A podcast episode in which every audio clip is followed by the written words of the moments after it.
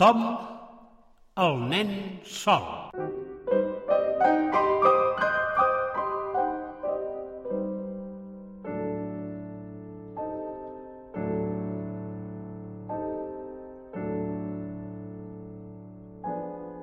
Hi havia una vegada un noi ros com el sol. Però no només era ros com el color del sol, sinó que també podia il·luminar com el sol. Ell no ho sabia aleshores. Tot just havia complert els cinc anys i moltes coses que som capaços de fer encara no les hem descobert en aquesta edat.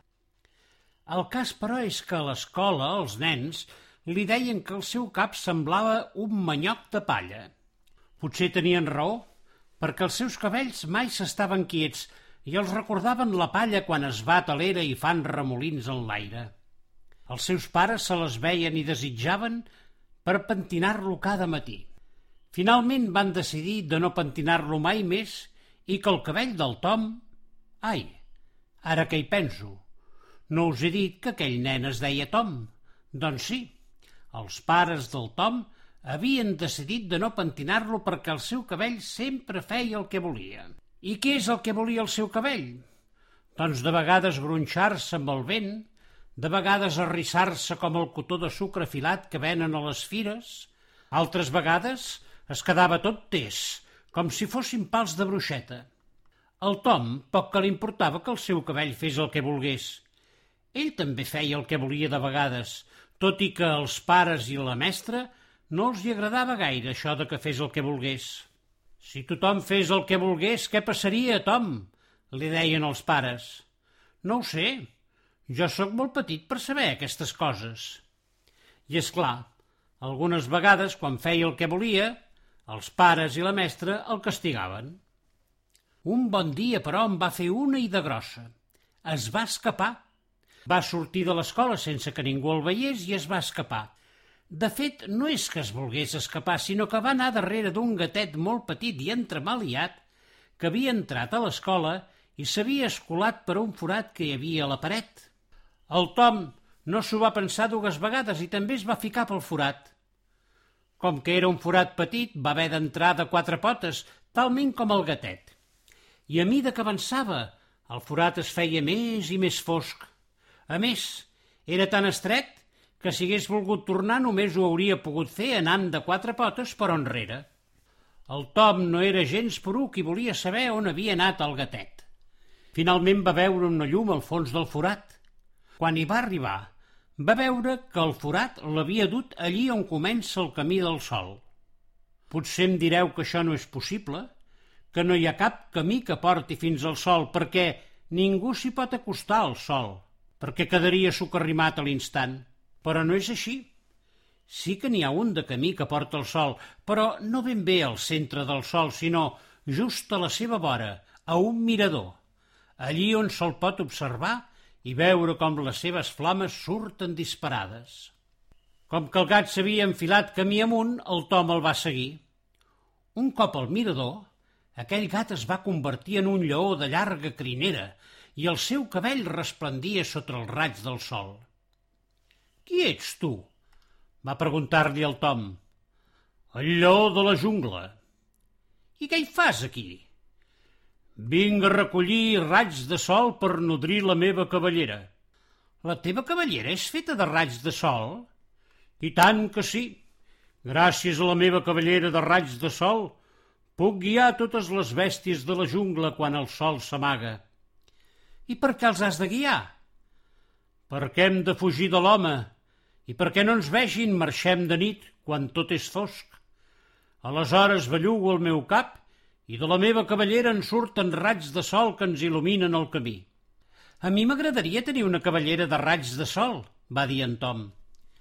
Però tenir una cavallera com la meva significa que has de guiar les persones.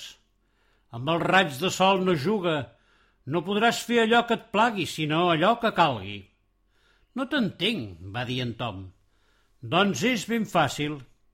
Fins ara tu has fet el que has volgut, però si els teus cabells són fets de raigs de sol, ja no ho podràs fer. Qui té la força del sol té un gran poder. Vols dir que seré molt poderós i tindré un exèrcit? El poder del sol no li calen exèrcits. La força que et dona el sol ha de ser per bé i no per mal. Si mai fessis res de dolent amb els raigs de sol, el mateix raig et destruiria. Ja veus la responsabilitat de tenir la força del sol. En Tom va callar una llarga estona mentre veia com els raigs del sol s'anaven ficant dins la cavallera del lleó de la jungla. I a mida que es ficaven, tota ella es feia més i més grossa i més bonica. En acabat, el lleó li va preguntar «Tu has pensat? Vols tenir la força del sol?» «Sí que m'agradaria», va dir en Tom. «Aleshores acosta't a mi i mira de fit el sol». El Tom es va posar a la vora del lleó de la jungla i tot d'una un remolí de foc els va envoltar, un remolí que girava més i més de pressa alhora que els cabells del Tom anaven agafant totes les formes inimaginables fins que el remolí va desaparèixer. I ja està, ja tinc la força del sol, va dir en Tom. Doncs no noto per res. Res de res, va dir el lleó. Bé, sí, noto que el cap el tinc més calent com quan la mare m'aixuga els cabells amb l'assecador. És una manera curiosa de descriure la força que ara tens en el teu cabell. Sí, segurament deu ser així. A la jungla no tenim assecadors de cabells. I ara què he de fer? Tornar a l'escola. Jo t'hi portaré. Enfila't damunt meu que hi anirem. El Tom es va enfilar a la gropa del lleó i aquest va fer un salt que més que córrer semblava que volava. El cert, però, és que davallaven el camí del sol tan i tan de pressa que en un tres i no res es van plantar just per on havien arribat, allí on hi havia el forat. Aleshores el lleó es va convertir de nou en gat i es va ficar dins el forat, seguit pel Tom. A l'altra banda hi havia un gran rebombori. Tothom estava molt preocupat per la desaparició del Tom. Ja feia deu dies que el cercaven.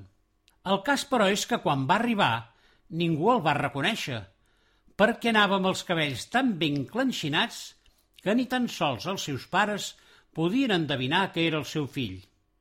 «Pare, mare, què esteu fent?» «Estem buscant el nostre fill». «Sóc jo el vostre fill». «I ara? El nostre fill no aniria tan ben clenxinat com tu?» Aleshores en Tom es va fregar els cabells amb les dues mans deixant-los ben estarrufats. Quina alegria la dels pares quan el van veure. Tot eren petons i abraçades, però de cop i volta es van posar molt seriosos. Aquest cop, Tom, l'has fet massa grossa. Com és que t'has escapat? He seguit un gatet per un forat i m'ha portat al mirador del sol. Allí el gat s'ha transformat en el lleó de la jungla i el sol ens ha donat la seva força. Els pares feien uns ulls com unes taronges. Quina era aquella mena d'invenció del seu fill? Sempre havien pensat que en Tom era un nen amb molta imaginació, però aquella història era tan fantàstica que van pensar de portar-lo al metge per si, durant la seva fugida, no hagués rebut un cop de cap que el fes desvariejar. Al Tom no li agradaven els metges, així és que va decidir demostrar el que deia i tancant els ulls i aguantant la respiració va fer que els seus cabells es transformessin en raigs de sol que s'enfilaven cel amunt. Tots els que eren allí van caure de cul. Aquell prodigi era tan espectacular que es van quedar amb la boca ben oberta. Després el Tom va tornar a replegar els raigs de sol dins la seva cavallera i es va posar a caminar cap a casa seva. D'ençà d'aquell dia, tothom el va anomenar el nen del sol, i durant molts i molts anys el món sencer va conèixer les mil meravelles que el Tom va fer gràcies al seu poder, el poder del sol. I vosaltres, us podeu imaginar quantes coses faríeu si els vostres cabells tinguessin el poder del sol?